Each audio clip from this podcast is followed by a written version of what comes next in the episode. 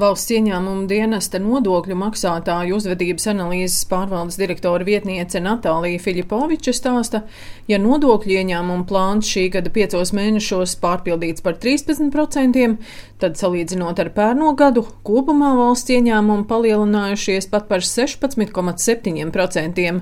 Tomēr pozitīvajos ciparos sava loma ir cenu kāpumam un inflācijai. Nodokļu ieņēmumi ir auguši visās eh, nodokļu pozīcijās piemēram, pievienotas vērtības nodokļiem, tā pakalpojuma vērtība, ko mūsu komersanti snieguši, ir pieaugusi pat par 99,6% un deklarētais nodoklis pieauga faktiski pa ceturdaļu, ja 21,8%. Bet ļoti liels svars šeit ir arī inflācijas kāpumam, Un īpaši, ja mēs skatāmies, piemēram, muitas nodokļi, tur mēs redzam, piemēram, kā faktiski tās naturālās vienības apjoms importam ir samazinājies, bet ir palielinājies statistiskā vērtība, un tas nozīmē, ka ļoti lielu lomu tomēr te nozīmē ārējie cenu izaugsme.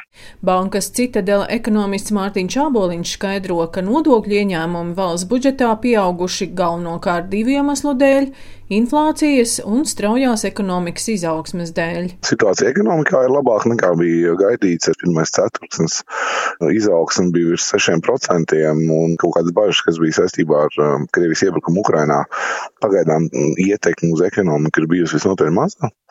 Otrs faktors, protams, ir uh, inflācija. Mēs redzam, jā, ka nu, mm, cilvēki arī zināmā mērā baidās no inflācijas, līdz ar to tērē vairāk naudu un varbūt neveido tik aktīvu uzkrājumus.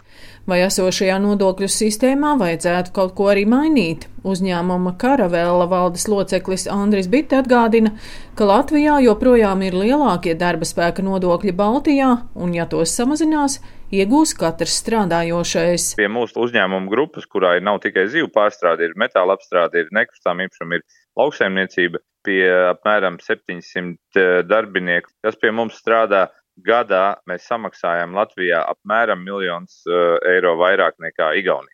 Mūsu darbinieki saņem faktiski mazāk par šādu summu atalgojumu, vai mēs neieliekam viņu attīstībā uzņēmumu, vai mēs neizmaksājam galu galā sev kā dividendus. Tā būtu tā lieta, kur mums tomēr vajadzētu koriģēt. It sevišķi pie noteikumiem, kad šobrīd valsts budžetā ienākumi joprojām vēl pietiekami raitināk iekšā un pat pārsniedz uh, iepriekš noteiktās prognozes. Daudz runāts arī par pievienotās vērtības nodokļa samazināšanu, tomēr uzņēmējs Andris Bitte PVN samazināšanu neatbalsta. PVN korekcija nav palīdzība uzņēmumiem, tā ir palīdzība vairāk sociālā radīt iespēju iegādāties eh, preces vai eh, novērst viņu cenu pieaugumu tik lielu, ja šis PVN nebūtu samazināts.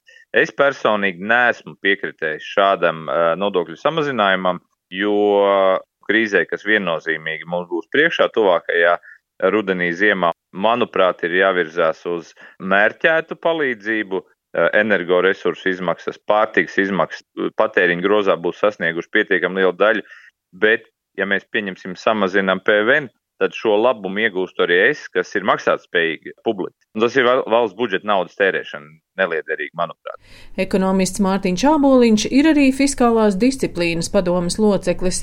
Arī viņš piekrīt, ka atbalstam iedzīvotājiem jābūt precīzi mērķētam, lai sasniegtu masturīgo iedzīvotāju daļu. Nodokļu samazinājums šajā ziņā nav efektīvs, varbūt atbalsta instruments, ja tas tiešām tiek visiem un neatkarīgi no tā ienākuma līmeņa. Bet šobrīd noteikti prioritāte drīzāk ir apkurs, tarifu risināšana atbalsts iedzīvotājiem ar zemākiem ienākumiem. Tā tomēr ir tā prioritāte, kur mēs varam pēc iespējas šo atbalstu sniegt mērķētāku. Plānotais budžeta deficīts jau šogad Latvijā ir faktiski viens no lielākajiem Eiropas Savienībā. Arī pagājušā gada mums bija liels budžeta deficīts.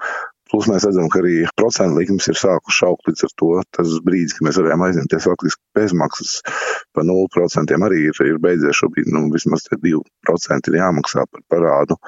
Līdz ar to papildus aizņemšanās nozīmēs arī lielāks likuma apkalpošanas izdevums nākotnē. Svarīgi, lai šie aizņēmumi nekļūst nekontrolēti un uh, mēs neturpinām veidot liels budžeta deficīts. Pērn Latvijas valsts budžeta deficīts bija 7,3% no iekšzemes koprodukta, lai gan šī gada pirmajā pusē nodokļu ieņēmumi valsts budžetā palielinājušies, jārēķinās, ka gada griezumā tie visticamāk samazināsies. Daina Zalamane, Latvijas radio.